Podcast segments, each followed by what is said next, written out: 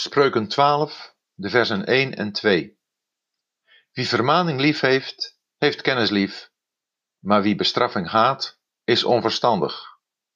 De goede verkrijgt de goedgunstigheid van de Heere, maar een man vol listige plannen verklaart hij schuldig. Vers 1 is een goede illustratie van het gegeven dat liefde niet draait om een aangename emotie. Een vermaning accepteren is vaak niet eenvoudig. Om een vermaning te aanvaarden, moet je die lief hebben. Dat doe je als je het belang ervan inziet. Het gaat er daarbij om of wij de uitdrukkelijke wil hebben om een vermaning te aanvaarden of dat we die niet willen aanvaarden. Als we de wil hebben om vermaning te aanvaarden, zullen we vermaning lief hebben. Het is een liefde die geleerd moet worden. Het andere geval, een bestraffing haten, gebeurt vrijwel automatisch. Zo zitten we van nature in elkaar. Wie geestelijk wil groeien, moet leren om vermaning of correctie te accepteren en daarvan te leren. Daarvoor is nodig zich vrijwillig als een leerling op te stellen tegenover iemand die hem vermaant. Het toont de nederige gezindheid van iemand die niet hoog van zichzelf denkt. Degene die hem vermaant, kan God zijn die door zijn woord tot hem spreekt. God kan ook spreken door een mens, wie dan ook, of door een gebeurtenis. Wie vermaning lief heeft, dat houdt in dat iemand ernaar verlangt vermaand te worden, bewijst dat hij kennis lief heeft.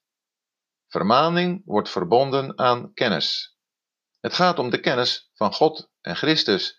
Dat is het kennen van Gods wil om tot Zijn eer te leven. Om kennis op te doen is inspanning door training nodig. Als het gaat om de kennis van Jezus Christus, mijn Heer, kan geen weg te zwaar en kunnen geen kosten te hoog zijn. Er is geen gemakkelijke weg naar geestelijke kennis. Eva koos de gemakkelijke weg en de zonde deed zijn intrede. De tweede versregel begint met maar, wat aangeeft dat nu het contrast met de eerste versregel volgt. Er zijn twee contrasten. Haat staat tegenover liefde en onverstandig tegenover kennis. Wie bestraffing haat, die verachtelijk weigert en verwerpt, handelt dom en stomzinnig als een dier dat geen verstand heeft. Haten wil zeggen een afkeer hebben van. Die afkeer komt uit het hoogmoedige hart dat niet van bestraffing wil weten. Wie bestraffing haat, toont het onverstand van een dier dat zich niet realiseert dat het tot zijn bestwil is als het pijn gedaan wordt. De goede is hij die door de genade van God goed is, want er is niemand die goed doet, er is er zelfs niet één. Romeinen 3, vers 12b. Niemand is goed dan één, God, dat is de Heer Jezus. Marcus 10, vers 18. Wie Hem als zijn leven heeft, kan ook goed zijn en daardoor ook goed doen. De goede is vol goedheid, wat alleen door Gods geest gewerkt kan worden. Goedheid is een onderdeel van de vrucht van de geest.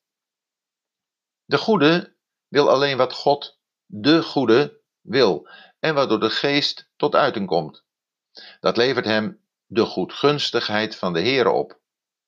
God verbindt zich met hem, want in hem herkent hij zichzelf. Er is harmonie tussen de goede en de goede. Dit geldt voor iedere gelovige die met God wandelt.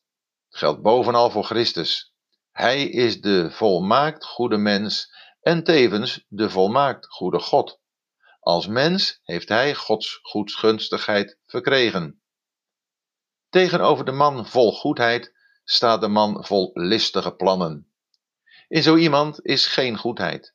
Hij heeft geen leven uit God.